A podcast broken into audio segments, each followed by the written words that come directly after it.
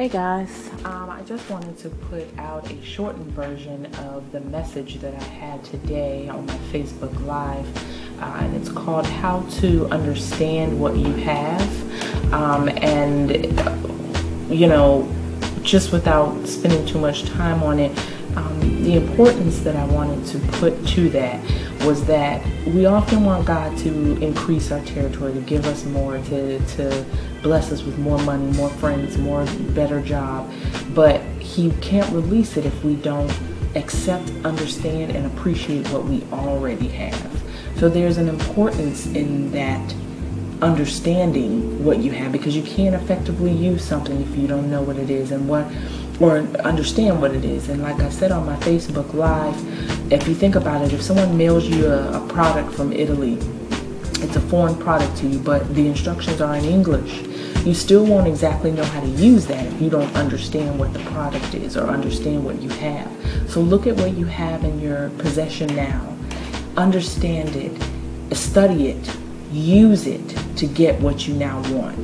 Because if you, if you focus on what you don't have, and your list, the list of what you don't have will often be greater and longer than the list of what you do have. But if you think about that, you would want your do list to be shorter so that you can allot more time to what you do have and to the positive stuff. So more positive energy goes to that versus a whole bunch of negative going into what you don't have.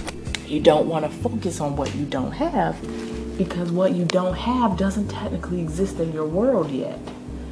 I, and I use this example on Facebook.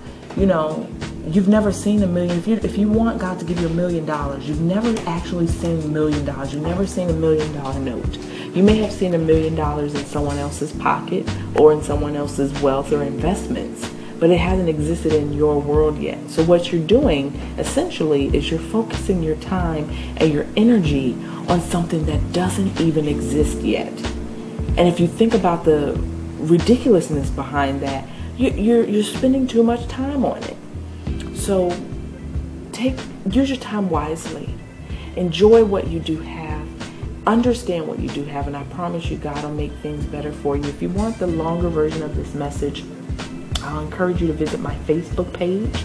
Uh, you can find me at Misha'el Empowers, and that's M-I-S-H-A apostrophe E-L Empowers. I'll also be starting a YouTube channel, probably by the same name, but for now you can find me on Facebook. You can also find me on Instagram at Mishael, and it's M-E-E underscore S-H-A-H underscore E-L.